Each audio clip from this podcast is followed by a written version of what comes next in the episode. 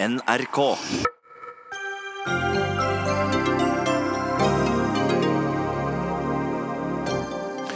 Nordmannen som var arrestert i Paris siktet for terrorfinansiering i Syria, er løslatt fra varetekt. Men boken som mannen har skrevet er som en lang tilståelse, sier jurist.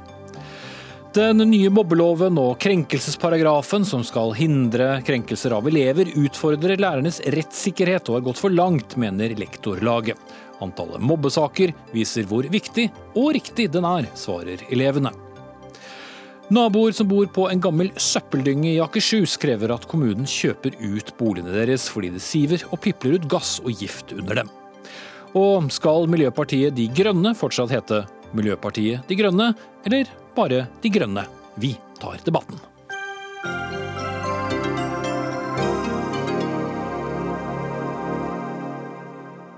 Ja, slik ser menyen i Dagsnytt 18 ut på denne inneklemte fredagen. Jeg heter eh, Espen Aas.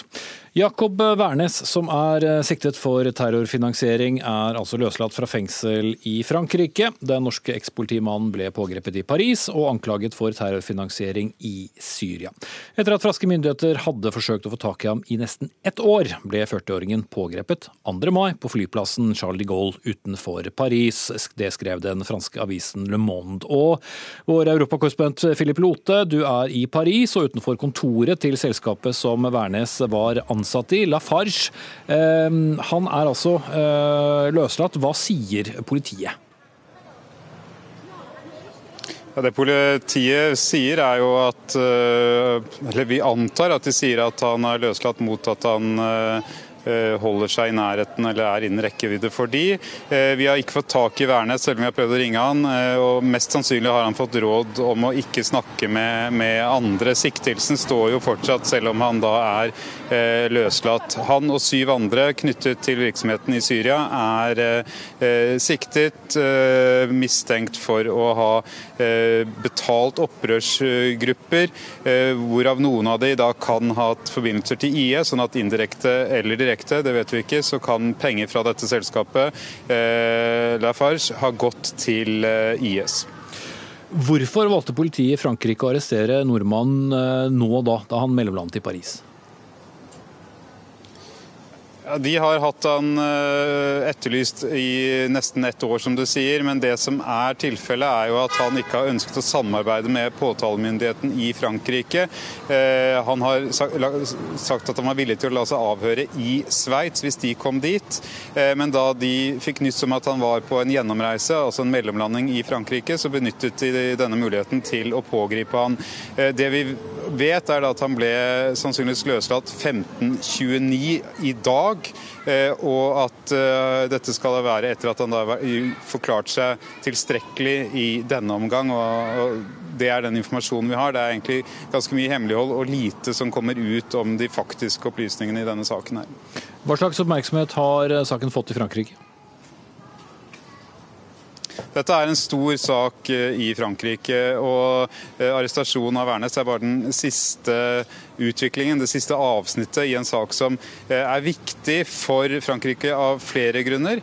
Eh, det ene er at eh, mange mener at myndighetene ønsker å bruke selskapet Værnes og de syv andre som er mistenkt i saken, for å statuere et eksempel. At store franske selskap ikke kan oppføre seg sånn som de vil når de er i utlandet. At de må følge visse regler. At de ikke kan betale hvem de vil for å få de fordelene de ønsker.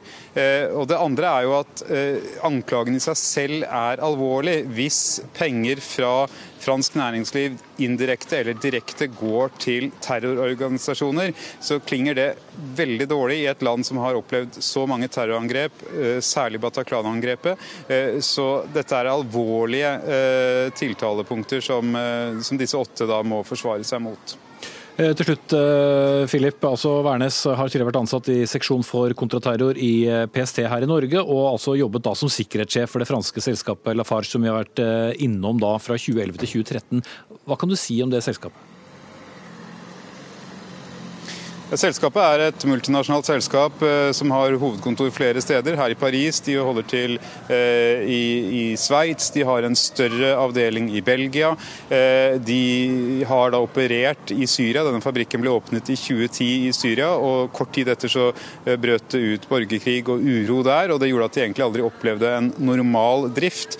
Og Værnes var jo en av de som skulle prøve å sørge for at fabrikken klarte å holde seg åpent. Da det fremkom kritikk av måten de opererte på, så satte Lafarge i gang sin egen interne undersøkelse.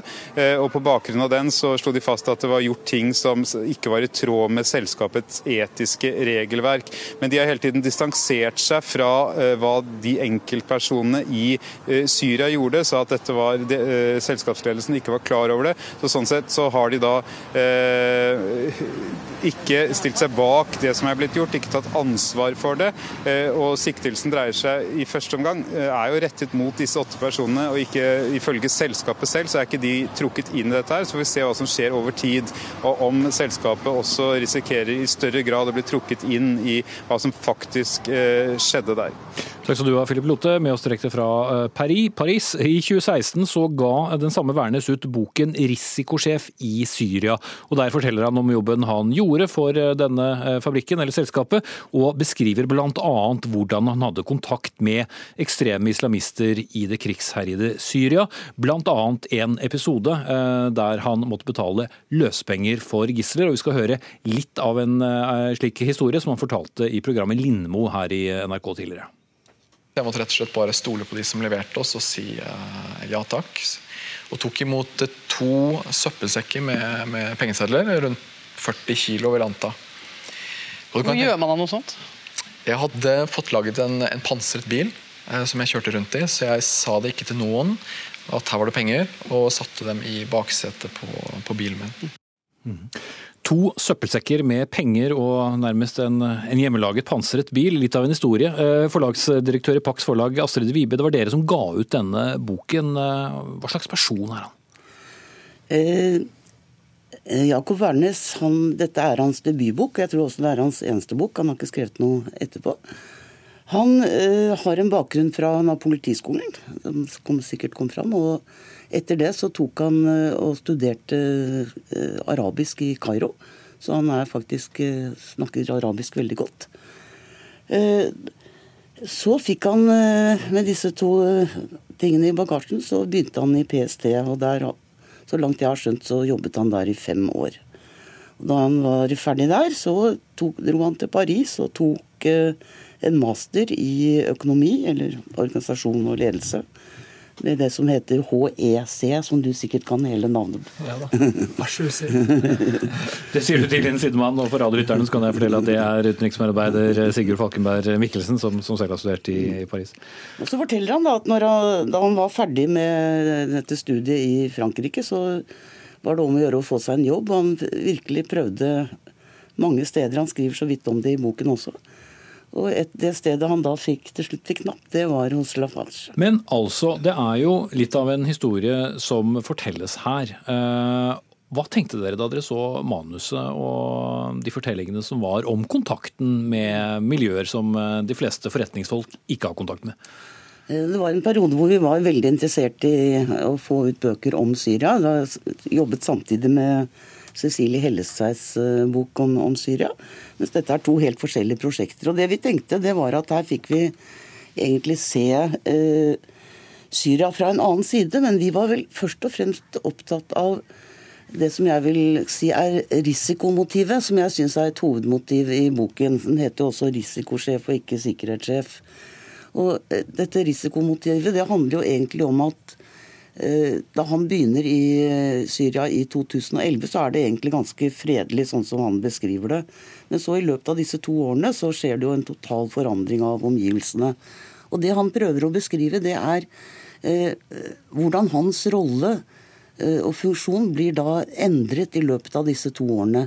Og jeg syns han har et veldig fint bilde på det. Han sier at han eh, måtte liksom slutte med politirollen, som handlet om å og passe på at de overholdt eh, landets eh, lover og regler. Og så måtte han mer og mer gå over i en tilretteleggerrolle, som egentlig handlet om å at han måtte finne løsninger på hvordan de skulle klare å drive forretningsdriften under de nye politiske forholdene. Og Dette er jo forhold du kjenner til, Sigurd Falkberg Mikkelsen, som eh, var vår Midtøsten-korrespondent eh, gjennom mange år. Hva slags eh, tilstand var Syria i denne perioden som de da faktisk klarte å fortsatt ha drift der? Det var en overgangsfase som gikk fra å oppleve spredte demonstrasjoner, en type uro, til å gli over i en fullblods uh, borgerkrig. Uh, og Vernes beskriver det i boka, jeg leste den da den kom ut, uh, hvordan, hvordan, de selv på en måte ikke har helt oversikt. De, ser, de hører om disse dramatiske bildene, de ser, eller hø, hører om andre som har sett dramatiske bilder utenfor Syria, men hans virkelighet der er mye mer beskyttet. Fordi der er demonstrasjonene holdt unna sentrum av Damaskus f.eks. Men det er klart at denne sementfabrikken ligger jo nord i Syria, hvor regimet har mye mindre grep på makten. og Den ligger på en rekke bruddlinjer, så, så den kommer i spill i krigens Syria. Og Midt oppi der står da denne, eh, denne nordmannen uh, og, og, skal prøve å håndtere disse, disse, disse, disse forskjellige tingene. Uh, og sier jo selv at de har strukket strikken litt langt, han innrømmer jo det. Men Blant annet fordi man må betale penger for å sikre driften? Ja da, og det er helt åpne om at I begynnelsen så var det ganske lett, for da var det bare kurderne som var der. og Så er det plutselig forskjellige grupper som tar makten over områdene. Eh, og Så får de da det dilemmaet eh, med IS. Eh, fordi plutselig så dukker denne gruppen opp uten at noen vet helt hvem de er. Og da er det bare én av mange jeg skjønner jo at dette ikke er eh, på en måte bra folk, men de prøver å operere da i denne krigssonen. Eh, og Det er jo i utgangspunktet en ganske eh, spesiell affære. Og når du i tillegg da får det som utvikler seg til å bli verdens mest beryktede terrororganisasjon, som som, en av de aktørene du er nødt til å forholde deg til, så begynner det å bli ordentlig farlig. Mm. Eh, Marius Ditriksson, leder av forsvarergruppen i Advokatforeningen. Altså Værnes er siktet for terrorfinansiering, men sier da selv at han ikke har utbetalt penger direkte til IS, som vi hører eh, om her, eller andre grupper. Har han da bidratt eller ikke? Går det an å gi et klart svar på det? Nei, Denne saken eh, kjenner ikke jeg, så den kan ikke jeg si noe konkret om. Men forbudet mot terrorfinansiering den ble innført på grunnlag av en FN-konvensjon som eh, pålegger medlemsstatene om å effektivt eh, straffeforfølge Eh, slike forhold. og Slik er det i Norge, og sånn er det også i Frankrike. og Verdenssamfunnet har jo de siste årene rettslig og finansielt og også militært eh, lagt store ressurser i å forfølge terrororganisasjoner. Slik at det å, det å bistå og være med på å oppebære terrorrelaterte organisasjoner med pengeoverføringer, det være seg mellom via mellommenn eller ikke, ja, det er straffbart. Det er straffbart i Norge og også straffbart i Frankrike. Men når det er sagt, om han har gjort det, det vet jo ikke jeg. Mm. Men ut fra det du har hørt som han har skrevet om eh, i boken, hvordan stiller det seg da? Jeg, jeg, har blitt fortalt at i boken fremgår at han via mellommann menn skal ha, skal ha overført midler til terrorrelaterte organisasjoner, og er det riktig? Eh, så burde han, jo, burde han jo fått et eh, juridisk råd før han utga den eh, boken. og Forlaget burde i hvert fall hatt en juridisk vurdering av dette. Jeg skjønner at de har vurdert forholdet til IS, om man kan få noen represalier derfra for å snakke om de, men det er jo også spørsmålet om man her går veldig tett inn på et forhold som åpner for straffeforfølgning av ham selv. Er det slik sett en slags tilståelse i det hele? Ja, altså det, er, det, er, straffbart å legge til rette for pengeoverføringer til terrorrelaterte organisasjoner. Eh, som sagt, Når verdenssamfunnet bruker mye ressurser på å slå det ned, så tror jeg det selv om man gjør det med aller beste hensikt, eh, det være seg for å redde liv og helse til medarbeidere eller, i, eller for å oppebære en lovlig virksomhet, selv, selv, om man gjør det til aller beste hensikt, så er det altså, er det altså straffbart. Altså. Hvilke vurderinger gjorde dere, De Vibe? Vi vurderte dette ganske grundig. og Det er faktisk litt sånn uklart dette her med om vi hadde en advokat til å se på det. Jeg har snakket med folk rundt meg i dag. Jeg var ikke redaktør av boken. Eh, og En har sagt eh, ja, og en har sagt nei, men vi var veldig opptatt av om dette var noe som kunne skade han. Men ikke bare han, men også disse øvrige som han omtaler ved navn. Og det er også et par stykker som er anonymisert i denne Så dere er ikke helt klare på hvorvidt eh, det kan ha skjedd noe ulovlig eller ikke? Er det sånn Nei, vi, altså, vi forstår det sånn at, eh, og tror helt fullt og fast på han som har vært så tydelig på at han aldri har hatt direkte kontakt med det som den gangen var ISIS, ikke sant, i 2011 til 2013. Og at han heller ikke har betalt penger til ISIS. Det han forteller om den scenen som eh, det ble vist til her, det er jo et av de tilfellene hvor medarbeidere ved denne fabrikken ble kidnappet, og i noen av de eh, tilfellene der så betalte de løspenger. Mm. Og dette var en av de.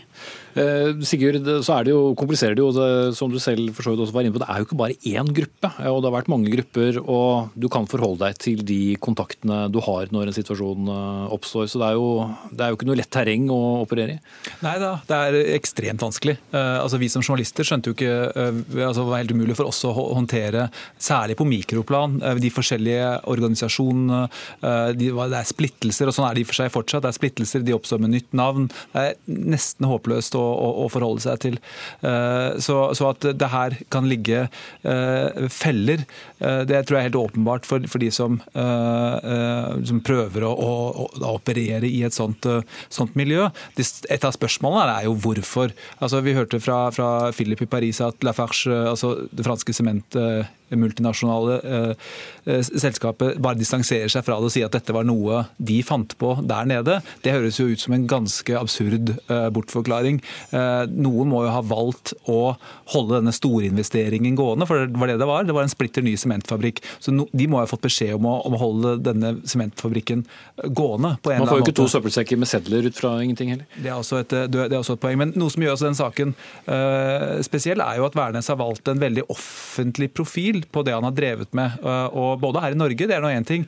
og Min erfaring er at man kanskje som norsk føler seg litt beskyttet i norsk offentlighet uh, uh, uten at det nødvendigvis stemmer. Men, men, han har også valgt i Frankrike å stille opp på veldig mye presseintervjuer og sånn i forbindelse med både lanseringen av boken, men også, men også knyttet til den rollen han har hatt mens det var klart at det var en straffeprosess gående her. Så det er også en del av bildet som, som, som gjør denne saken veldig sammensatt. Mm. Dietriksson, går det an å gi gi noe råd til ham i eh, slik saken står nå? Eh, nei, jeg kan ikke gi et, eh, kan ikke gi et råd til han, og det, det er heller helt langt utenfor mitt område nå.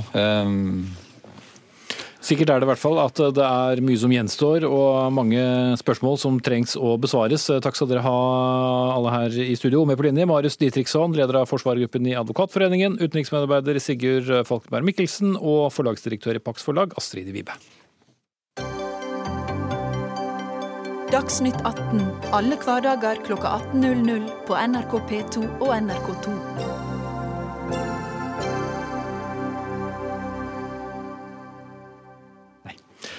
Lektorlaget og skoleledere er kritiske til den nye mobbeloven som ble innført i fjor. De mener loven utfordrer de ansattes rettssikkerhet, og at den har gått for langt på elevenes premisser.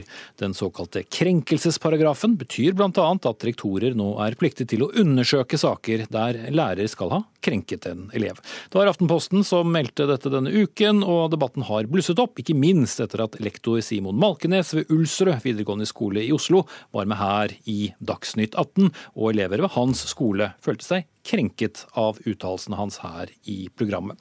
Øystein Hagberg, fylkesleder i Lektorlaget i Oslo, og kollega faktisk av Simon Malkenes ved videregående skole. Dette dreier seg altså om det som heter paragraf 9a5, som kom som en innstramming i opplæringsloven i fjor. Det handler om såkalt skjerpet aktivitetsplikt dersom en lærer har krenket en elev, eller at det er mistanke om krenkelse. Eh, det kan altså dreie seg om mobbing, diskriminering eller andre former for trakassering. Hvorfor er dette problematisk? Um, først, hvis jeg kan få si det. Uh, vi er veldig for en lov som uh, sikrer uh, elevene et trygt skolemiljø. Altså, I grunnskolen så må elevene gå i ni år. De har plikt. de videregående elevene opplever helt sikkert skolen som regel som obligatorisk.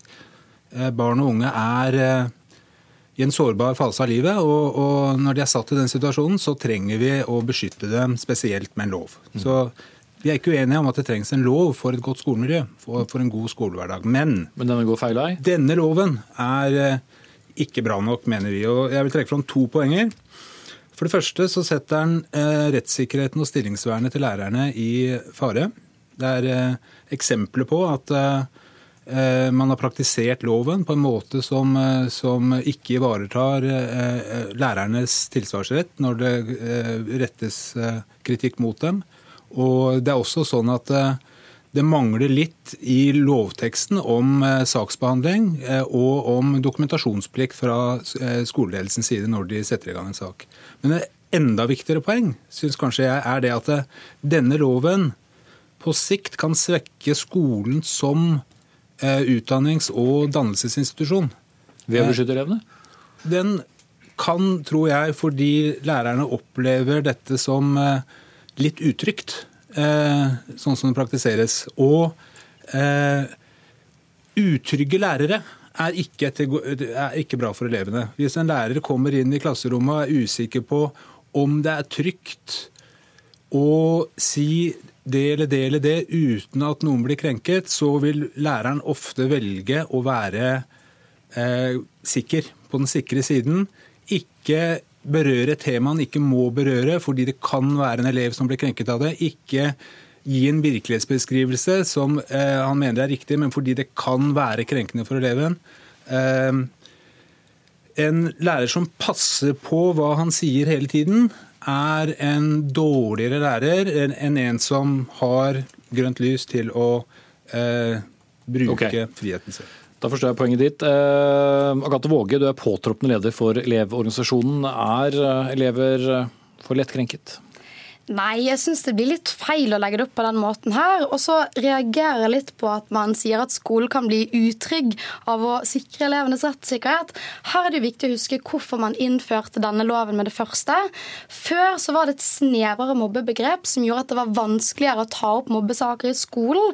Elever kunne føle at de ble krenket, hadde kjipt på skolen, men det ble vanskeligere å ta opp sakene fordi det var så snevert hva mobbing betyr. Og derfor var det jo en samlet skolesektor sektor og et enstemmig storting som gikk inn for at man måtte legge elevens subjektive oppfattelse til grunn. Og Her synes jeg det er veldig viktig å huske hvem som er hovedpersonen i skolen, og det er jo eleven. Skolen skal danne og utdanne elever for at man skaper gode samfunnsborgere for framtiden. Og det synes jeg er viktig at vi husker på i denne debatten her. Men det er ikke så viktig i lovteksten heller å skjønne hvor den grensen går. Går det an for deg å definere som uh, den som representerer elevene, hvor, hvor en krenkelse eller en, en mobbegrense går?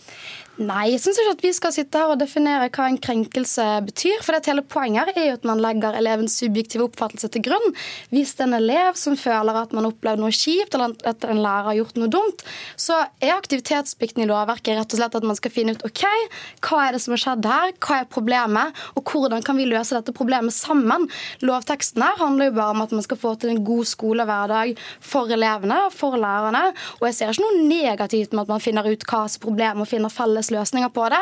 Og her er det også viktig å huske at De tiltakene som man innfører i skolen etter en slik sak, det er det jo ikke eleven som skal diktere, det er det jo skolen som skal finne ut av sammen. Mm. Hagberg?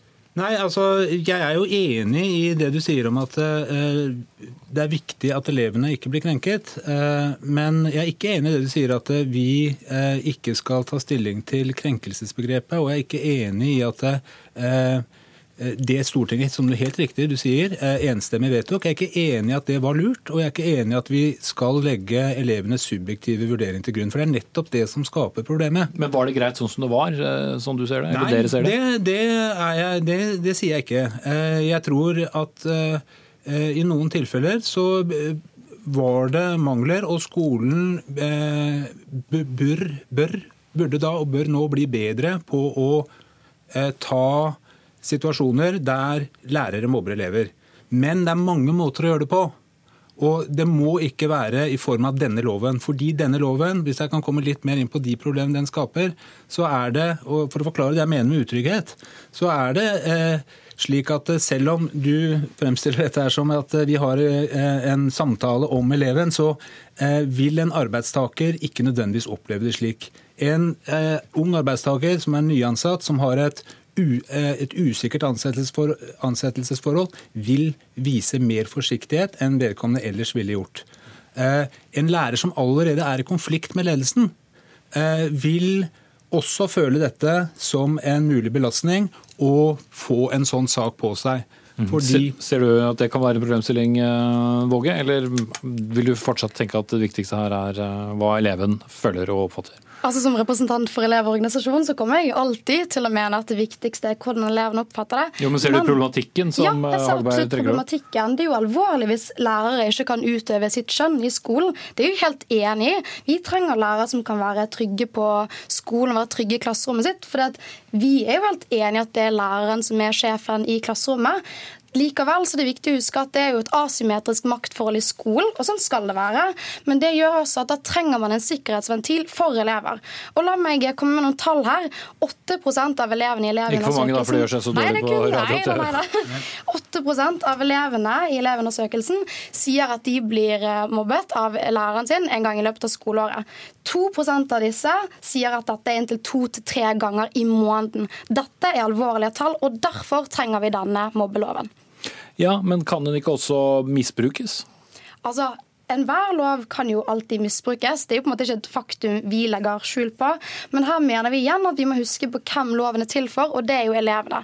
Jeg er jo ikke jurist, men et rettsprinsipp er jo at loven er til for å beskytte den svakeste part, og det er jo absolutt eleven som er den svakeste part i skolen. Jeg vil komme til på, jeg kan få eh, si det igjen, som jeg ja. sa i stad, at det er andre måter å gjøre dette på eh, enn eh, gjennom denne loven. Eh, hvis det er slik at 8% blir mobbet av læreren, eh, hvis det er slik at 2 eh, blir det to til tre ganger i måneden, så er det altfor mye. Da, men, men, da må vi gjøre det på en annen måte enn å svekke skolen. For det er det vi gjør. Altså, jeg har kolleger som har uttrykt bekymring for i denne klassen skal jeg ta opp evolusjonsteorien. Eh, den står egentlig ikke i læreplanen, men jeg syns den egner seg bra til å forklare om disse tingene. Eller skal jeg la det være, fordi jeg vet at det sitter noen i den klassen som blir såre eh, hvis jeg eh, kommer inn på den teorien som de er sterkt uenig i. Eh, det, det, samme gjelder når man eh, snakker om religion og religiøse praksiser. Det kan gjelde til og med historie, når man drøfter eh, historiske årsaksforklaringer som noen kan føle er en hån mot dere, det, det, det folket de stammer fra. Er det riktig bruk av paragrafen, Våge? Altså, her må man jo huske på at uh hvem som er viktig i skolen. Og det som er viktig å huske, er at man har jo ytringsfrihet. Jo, men det var jo ikke svar. Nei, men, ja. Vi syns at elevene er viktige i skolen. Det er ja. derfor vi er så tydelige på dette her. Vi vil at dere skal ha en god skole. Vi vil at dere skal, dere skal ha de smarte, skarpe, utfordrende lærerne som tør å slå en vits uten å være redd for at noen skal føle seg støtt av den, som dere syns er bra, og som skaper magiske øyeblikk. Vi vil at dere skal ha den typen lærere som har mot og eh, trygghet til å være utfordrende mot dere. Ja, jeg krenker dere sikkert begge ved å ikke fortsette debatten, men vår tid er eh, ute. Øystein eh, Hageberg, fylkesleder i Lektorlaget i Oslo, og Agathe Våge, påtroppende leder av Elevorganisasjonen.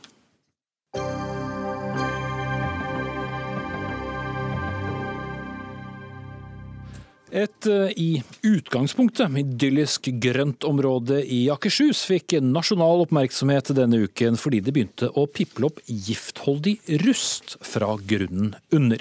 Grøntområdet og boligfeltet like ved i Skedsmo kommune ligger nemlig oppå en gammel søppeldynge, og det er arsen fra denne fyllingen som siver opp i bl.a. hus og fotballmål i området som ellers heter Holt Vestfold. Fra før har nivåene av metangass i boligene blitt målt målt til langt høyere enn normalt. Beboerne her satte onsdag kveld sin lit til at kommunestyret skulle kjøpe opp flere av boligene.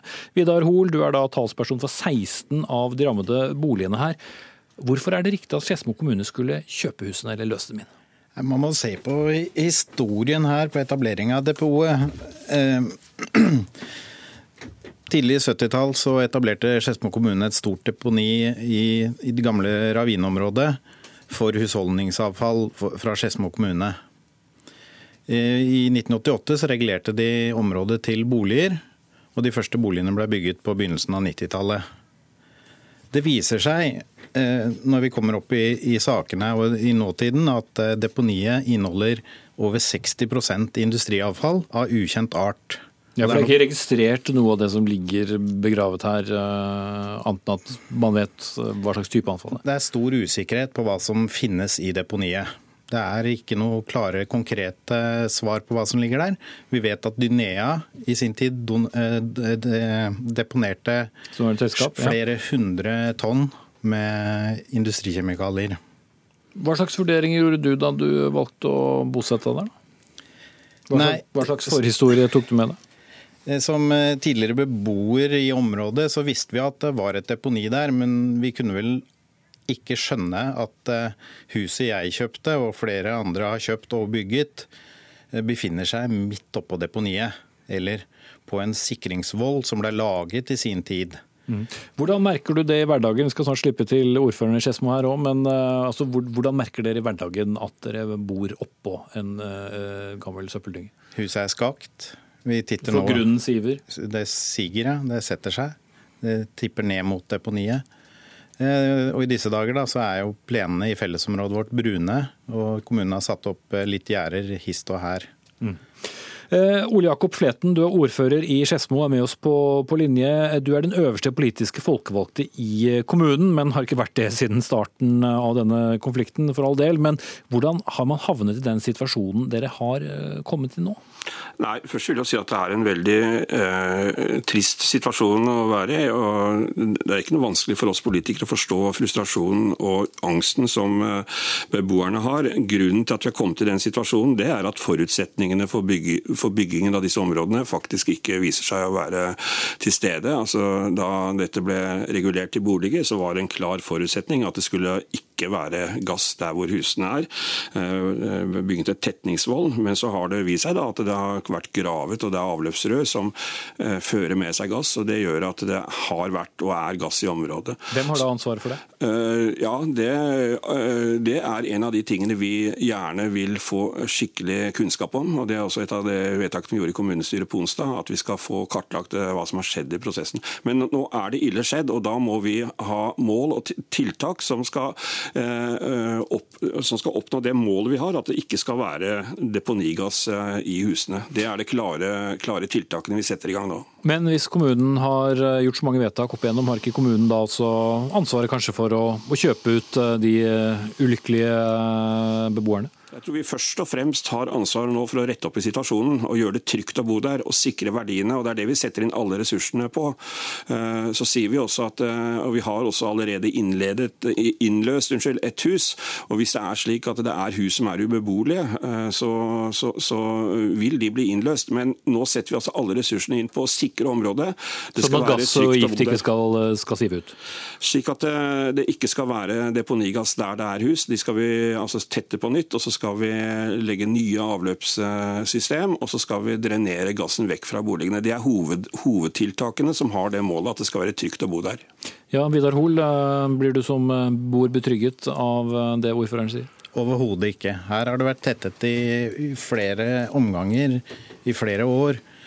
Kommunen har ikke skjønt saken. Kommunen har ikke satt seg, og politikerne har ikke satt seg nok inn i saken. De husene jeg representerer, de er bygget oppå den såkalte tetningsvollen. Flere av husene står med halvparten og tre fjerdedeler av huset på deponiet. Altså det er søppel under stuene våre. Husene tipper, husene sprekker. Nabohuset mitt er revet. Der begynte det å brenne fordi at grunnen sprakk. Gassen kom opp og antentes via varmekablene. Ja, Ole Jakob eh, Fletten, det høres jo veldig dramatisk ut i historiene vi har lest eh, og ellers hører om? Ja, det er klart det er, det er, dramatisk. og Vi har som sagt også innløst det huset. Men nå skal vi altså kartlegge uh, hvert enkelt hus og, og, sikre at det ikke er gass der. Men Hvor lang tid tar en sånn kartlegging? Nei, det, det, arbeidet igangsettes umiddelbart. og Vi skal prosjektere dette her og, og, og, sørge for at hvert tiltak får en grundig vurdering. Så akkurat tidsaspektet er det litt vanskelig for meg å si. Dere har jo selv foretatt en del målinger i kommunen. Hva forteller de dere? Altså, De målingene målingene vi har gjort, det, det er helt riktig som Vidar Hoel sier at det er forhøyet verdier av deponigass, altså metangass. Nå er ikke den i utgangspunktet en giftig gass. Vi har også Men den kan ha noen andre, ganske skumle følger, da? Vi har også målt for andre gasser. og så viser det seg at det har vi ikke noe, det har vi ikke noen konkrete måleresultater til å si at det er forhøyet verdier av farlige gasser per i dag. Men vi skal nå, vi skal nå ha et veldig tett måleprogram og følge opp dette svært nøye. Mm. Men Vidar Hol, dere, dere, stoler jo ikke helt på disse målingene heller, der. hvorfor ikke? Nei, eh, kommunens konsulent og kommunens tekniske etat har jo drevet eh, dette deponiet lenge. Og vi er ikke sikre på at eh, selskapet, altså konsulentselskapet som kommunen bruker, har kompetansen. Det er svært få i Norge som har kompetanse om slike deponier. Og vi tviler på at konsulenten til kommunen, Multiconsult, har den kompetansen. Vi Selv om har... det viser eh, for høye verdier? Ja. Vi, vi, vi, har ikke tro på dem, vi har ikke tillit til dem, og vi har ikke tillit til kommunen. Og da sier jo Vidar, Vidar Hoel noe som jeg er, eh, forstår veldig godt. Det er jo ikke tillit til hva fagfolkene sier. og Den tilliten må vi på en måte få opprette, opprette igjen. og Derfor er vi nå i kontakt med NILU, som er altså den fremste ekspert på luftforskning i Norge, som ligger i vår kommune. og De skal, de skal liksom kvalitetssikre målingene, og vi skal ta nye målinger.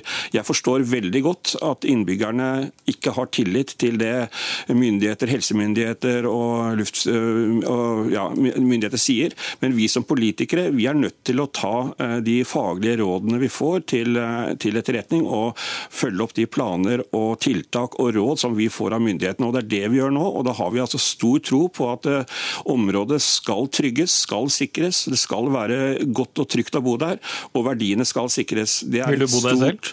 Ja, hvis jeg får en sikkerhet for at dette, dette går rett rette veien, så, så, så, så vil jeg det. Og det er et flertall i kommunestyret, et stort flertall i kommunestyret som vil følge opp disse, denne planen nå. Mm.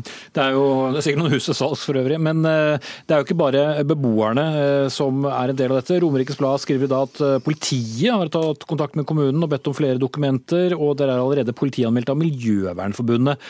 Hva slags samarbeid har dere med politiet? Nei, øh, vi, har jo bedt selv om den dokumentasjonen. Det er jo, øh, vi skal jo legge alt åpent, det har vi gjort hele tiden. Altså, det er ingenting som blir holdt tilbake her. Og Vi vil samarbeide med alle myndighetene for å få øh, så god oversikt, altså gode prosesser som mulig. her. Sånn. Så, så, så, det at nå blir kartlagt historikken her og få vite hva har skjedd, det, det, det skal vi jo selvfølgelig få avdekket. Mm. Vidar Hoel, hva anslår du verdien av boligen din til å være disse dager? Mellom null og ja, gjett et tall. Mm. Eh, så selv om du nå ville tatt med deg alt du eide og hadde og flyttet et annet sted, så, så, ville du da tapt det du har investert? Ja. Hvor dårlig tid føler dere at dere har før eh, kommunen kommer til en slags eh, konklusjon om, om videre fremtid? Ja, kommunen er for seint ute allerede, og det har de vært i, i hele saken. Vi trenger handlinger, og vi trenger handlinger nå. Ikke bare for de boligene jeg representerer, men for hele området.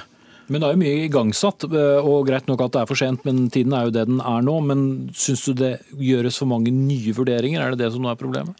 Jeg tror ikke noe på de tiltakene man har vedtatt man skal gjøre. Da skal man grave i et deponi som kommunen for noen måneder siden sa at vi kan ikke bore flere prøvebor fordi det er farlig å bore. Nå skal man begynne med store, tunge anleggsmaskiner. Man skal bore store rørbrønner. Man skal grave, og muligens også flytte søppel. Det, det, det henger ikke på greip, for å si det på godt norsk. Og Der var uh, vår tid uh, ute. Jeg er usikker på om jeg tør å ønske deg vel hjem. Uh, Vidar Hoel, talsperson for 16 av de boligene som er rammet. Og vi hadde også med oss Ole Jakob Fleten, som er ordfører i Skedsmo Taxera.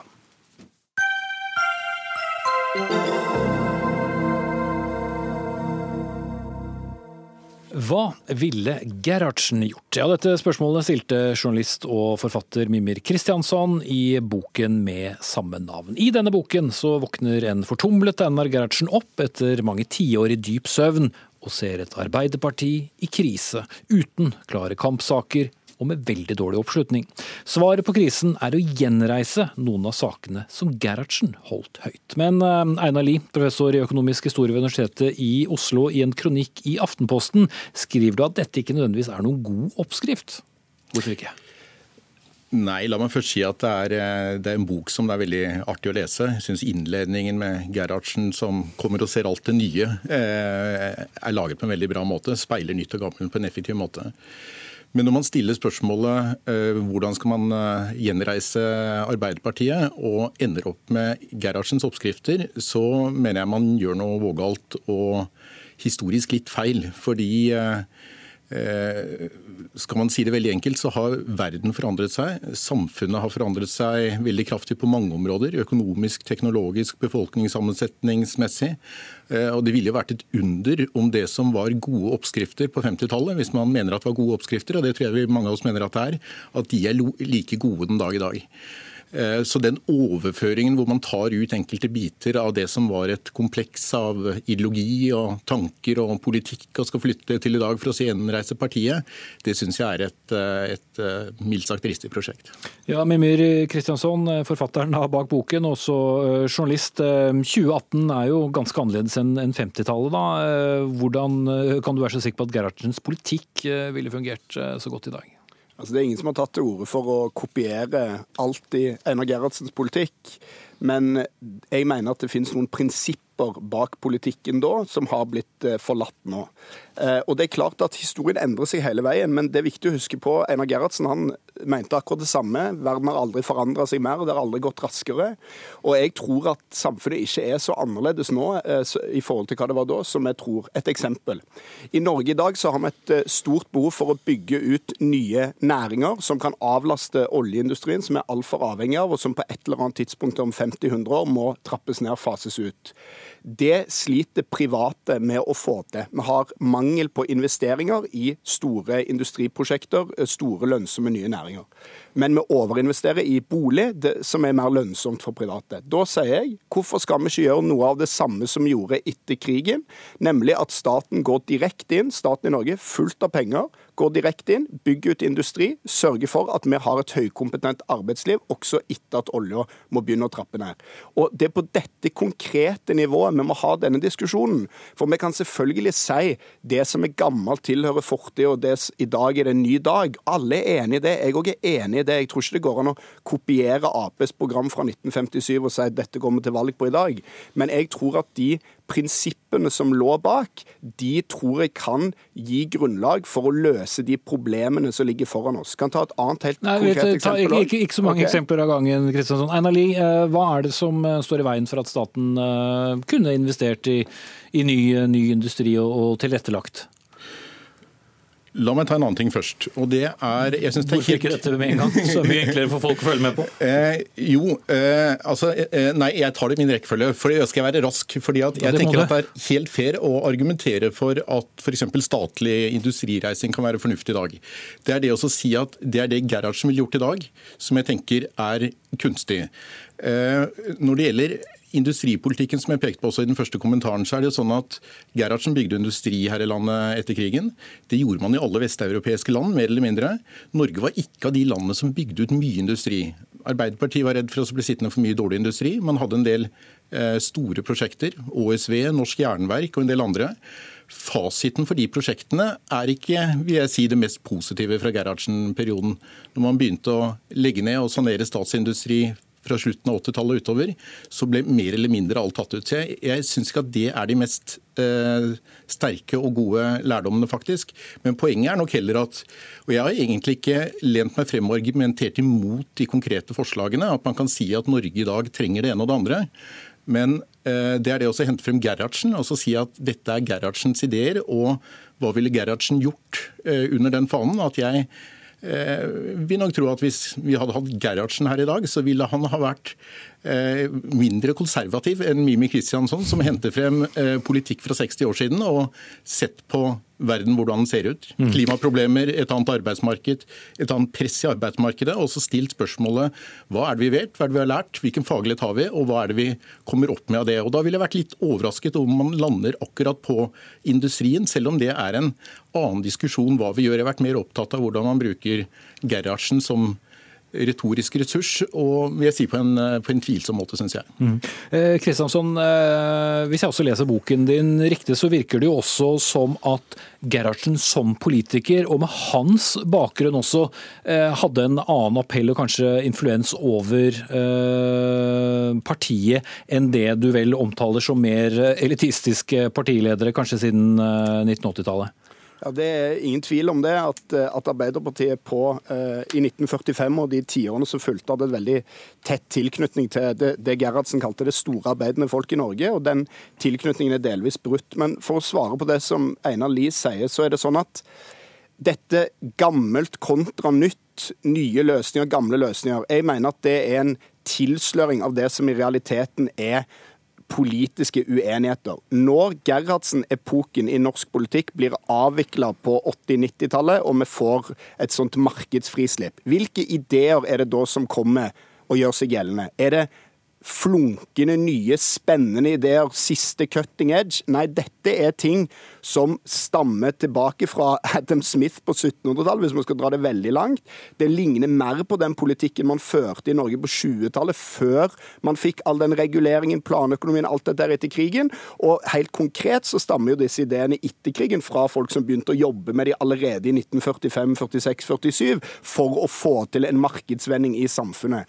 Sånn at vi må innse at politisk uenighet og politisk debatt, det har lengre levetid enn en eh, ny iPhone har. Og da tror jeg at Einar Gerhardsen og den linjen han sto for, den kan man trekke gjennom norsk historie.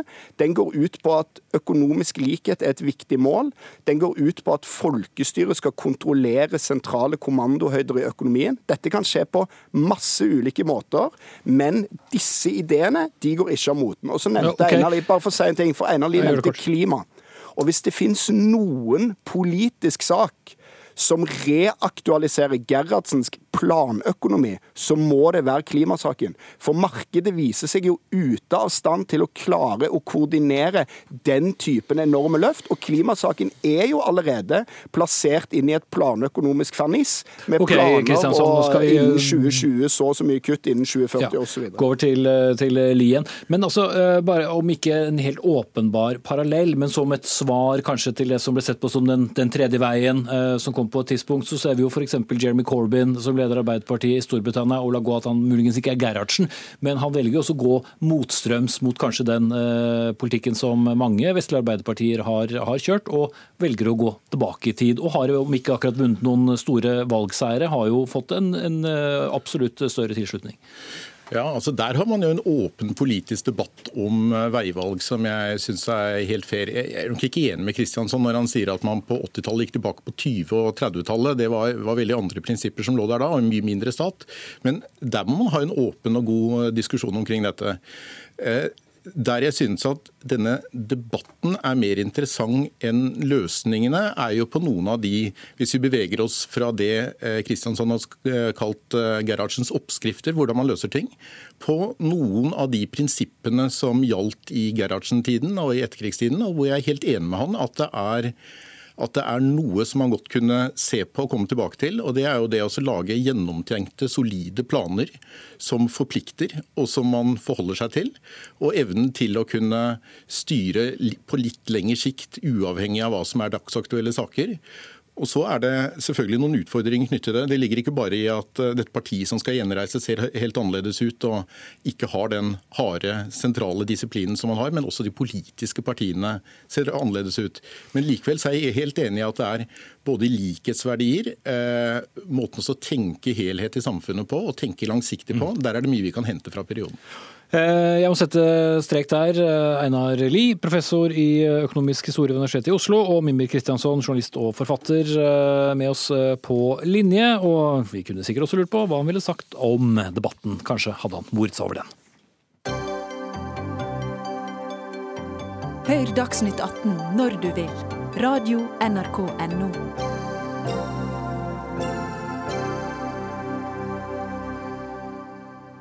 Miljøpartiet De Grønne fyller snart 30 år og avholder denne helgen sitt landsmøte, ikke på Gardermoen slik en del andre partier har gjort, men på Fornebu, hvor det nå er en nedlagt eh, flyplass. Stadig med kun én plass på Stortinget, men selvsagt med ambisjoner for fremtiden. Men hva skal de hete i denne fremtiden. For et forslag som kommer opp på landsmøtet, er nemlig å endre det offisielle navnet på partiet til bare De Grønne med andre ord sløyfe Miljøpartiet. Og det ønsker bl.a. du, Håkon Andreas Møller, som er gruppeleder for eh, MDG, eller Miljøpartiet De Grønne, eller hva vi nå skal kalle dere, i Bodø bystyre. Hvorfor er det en god idé? Først vil jeg si at uh, den diskusjonen her er på mange måter et luksusproblem. og Det er ikke noe som vi skal bruke voldsomt mye tid på landsmøtet til å diskutere. Men det står noe der? Det står der, og det er en viktig sak. og Det er fordi vi har noen utfordringer knytta til partinavnet. For det første så er det et uh, navn som er uh, veldig langt, uh, som er tungvint, og som vi sjøl sliter med å forholde oss til hvordan vi skal bruke riktig. Hva sier du da? jeg prøver å følge vedtektene og bruker De grønne som kortform. Mm. Men hva er gevinsten? Gevinsten er først og fremst at vi får en konsekvent og litt uh, greiere og enklere navnebruk. Men for det andre så er det og det skal jeg være ærlig, på, at det her inngår også i en litt større diskusjon om hvor spissa vi skal være på klima og miljø, og hvor brede vi skal være. Uh, for jeg mener at vi sliter litt med et stempel som riktignok er helt uh, feilaktig. Men likevel et, et, stempel som et ensaksparti for de spesielt interesserte, altså et særinteresseparti. Mm. Avtroppende nasjonal talsperson, som det heter, for det som fortsatt altså er Miljøpartiet De Grønne. Rasmus Hansson, du er eh, ferdig med din avskjedstale. Du mener det å korte ned navnet er å gjøre dere selv en bjørntjeneste. Hvorfor? Eh, først fordi sånne navnediskusjoner eh, etter min mening sjelden gir det folk håper at de skal gi. Eh, det blir mye tid brukt på noe med lite effekt. Jeg mener at for å oppnå det som Håkon peker på her, nemlig at vi får mer gjennomslag for og mer oppmerksomhet om bredden i vår politikk, så skal vi bruke kreftene våre på å drive politikk, ikke forandre navn. Det kan jo være en kort avstemning, det, så er det unnagjort? det får vi se om det ikke blir også. men Det gjenstår å se. Men så er det jo ett poeng til, og det jeg tror at hvis det har en effekt eh, å fjerne Miljøpartiet fra Miljøpartiet De Grønnes navn, så tror jeg den effekten er negativ. Jeg tror ikke det er lurt av oss å gå inn i 2019-valget eh, som partiet som fjerner miljønavnet. Mm. Eh, Men vi hører altså da om Miljøpartiet De Grønne, noen sier De Grønne, vi sier ofte MDG, og for sikkerhets skyld så heter dere bare Partiet eh, på Twitter. Hadde det ikke vært lettere å eh, brande, da, som det heter så fint, eh, partiet bare som eh, De Grønne? Det er jo det de aller fleste av søsterpartiene deres heter. Ja, Søsterpartiet vårt som sitter i regjering i Sverige, heter Miljøpartiet. Uh, ja, så du har The Greens og så, ja. ja. ja, ja, helt riktig. Uh, så vi har altså litt forskjellige navn, og det klarer vi oss selv strålende med. Miljøpartiet De Grønnes navn er et uh, opplagt, langt og innviklet navn, men det har den siden ved seg at det er innarbeidet. Eh, og det gir oss også en klam hånd over veldig mye av saksfeltet, som ingen andre partier kan ta fra oss, så lenge vi både heter Miljøpartiet og De Grønne. Jeg syns det er helt fint. Eh, og jeg synes også for et, eh, et, mangfoldsparti som Miljøpartiet De Grønne, så gjør det ingenting som helst at vi av og til sier MDG, av og til sier Miljøpartiet og av og til sier De Grønne, for alle skjønner hva vi sier uansett. Men Møller, du sa noe spennende, og det handlet om bredden i partiet og bredden i politikken. Og nå er partiet inne i sin andre eh, stortingsperiode. Og vel, som Rasmus Hansson sikkert opplevde i sin tid, og som deres nåværende representant, som er i barselpermisjon, og, og hennes vara merker, så handler handler jo ikke alt om eh, klima og miljø eh, i politikken. Hva er det som er, også kan være viktige områder for, for partiet å kunne markedsføre seg på da? Ja, Det er mange. Eh, Aftenposten har utropt oss til Norges beste gründerparti, f.eks. Vi har en fantastisk god skolepolitikk som burde komme bedre fram i lyset jeg tror Rasmus og jeg egentlig er veldig enige da, om at vi alltid skal være det mest kompromissløse miljøpartiet i Norge. Vi tilhører et parti og en internasjonal partifamilie som er tufta på spørsmål knytta til miljø og bærekraft. Og Det skal vi fortsette med. Men problemet mitt er, og til alle oss som har eh, skrevet under på forslaget, er at det ikke når ut uh, til folk. Uh, og litt av det stempelet som vi da sliter litt med, det er knytta til til partinavn. Jeg tror Som et, en del av en større operasjon for å, å snu, snu, det uh, imaget, um, så kan en navneendring være på sin plass. Mm. Da skal du få lov til å gi hodetelefonene du har på deg videre til eh, vår politiske kommentator eh, Lars Nehru Sand. Og så skal jeg stille Rasmus Hansson et uh, siste spørsmål, fordi nå er det altså rulletekst for din del uh, etter, etter, mange år som en profilert frontmann. Hvor mye inntrykk sitter folk igjen med at dere er noe mer enn et miljøparti, da? Eh, de som hørte på Politisk kvarter i morges, hørte et parti som er det mest offensive på reduksjon av arbeidstid og på endring av verditenkinga i Norge fra at eh, penger er det eneste som teller, hvilket det ikke er, til at tid er en verdi som folk mye heller vil ha, og som det er fornuftig å eh, premiere folk mer med når produktiviteten øker i arbeidslivet. Det er ett av veldig mange eksempler på at vi snakker om mange flere ting. Og så okay. er vi jo fullstendig enige om at eh, det er en tøff kamp hver dag å få ørens lyd for det. Ja. Men den kampen skal vi kjempe. Vi skal eh, ta analysen av det nå. Takk skal du ha, Rasmus Hansson. Lars Nehru Sand, vår kommentator eh, på plass på landsmøtet. Er denne snart 30 år lange historien om Miljøpartiet De Grønne en suksesshistorie? Det er jo en historie som først og fremst handler om at eh, et parti stiftet i 1988 eh, da ikke fikk sitt store gjennombrudd før i, i 2011, fordi eh, andre partier med, med, nok grønt innhold hemmet partiets vekstmuligheter. Men så gikk det jo fort da, fra 2011 via et lokalvalg i 2015 og, og frem til en Ja, og de kom inn på Stortinget i 2013. Men det vokste ikke videre i 2017, hvor man da ikke brøt sperregrenser, som var den naturlige ambisjonen da. Og Det var kanskje en overraskelse for mange innad i partiet også? Ja, spesielt internt. Eh, også fordi man da parallelt med det egentlig fikk en forståelse av hvilke voksesmerter og, og hva endringene eh, i tilblivelse har, har eh, ført til. Det at eh, nå er eh, sånn at partiet ikke bare består av en, en liten gjeng som er, nei, som er, lett å få til å bli enig, men en, en, et stort, bredt parti med mange medlemmer som skal enes om veldig mye annet enn miljøpolitikken, som, eh, som, som har vært en fellesnevner for, for, alle som har vært med, og hvor det er lett å ha fått med, med folk. Eh, det gjennombrudd og gjennomslag de har fått politisk i, i de kommunestyrene de har vært, og, og med den stortingsplassen de har hatt, har jo også handla om at de er grønnere enn de andre partiene, men ikke nødvendigvis så tydelige på den vekstkritikken som, som skiller partiet eh, versus de andre miljøpartiene. Og så er det jo, ja, Du snakker om voksesmertene, Lars, og et poeng er jo hvor bredt dette partiet skal være eller ikke være. Og, og hvor samlet vil du si fløyene er der?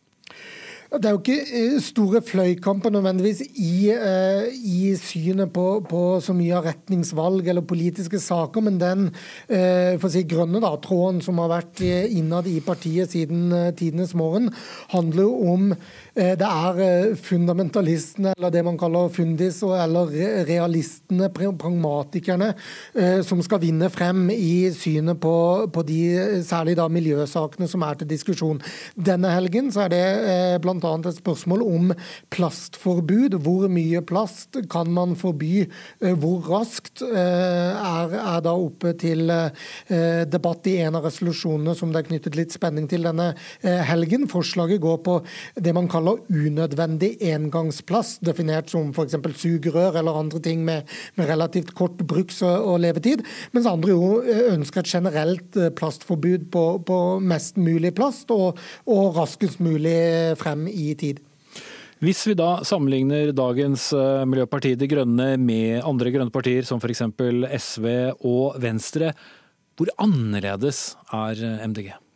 Jeg mener at det mest annerledes med MDG kontra eh, Venstre og SV, eh, som handler om denne vekstkritikken, eh, er mer sentralt når man holdt på å si, ferdes i, i partiet, snakker med, med, folk internt, enn hva de kanskje er kjent for som, som etterlatt inntrykk i eh, samfunnsdebatten. Det kan selvfølgelig også skyldes at andre partier og, og vi i pressen ikke er så interessert i den vekstdebatten, men jeg synes det er en veldig sentral del i, i å forstå MDGs plass i partiet partifloraen, kanskje mest da, som du sier, opp mot de andre såkalte miljøpartiene. MDG har en tydelig profil på eh, miljø, bypolitikk, samferdsel, byplanlegging, eh, men, mens vekstkritikken er det som virkelig skiller de fra, fra de andre partiene. Mm. Nå tror jeg vi skal sette strek der, jeg, Lars Nehru Sand. Og dette landsmøtet til Miljøpartiet De Grønne fortsetter på Fornebu gjennom helgen. Og NRK har reportere på stedet, så det blir mer å høre, se og lese om partiet igjennom der.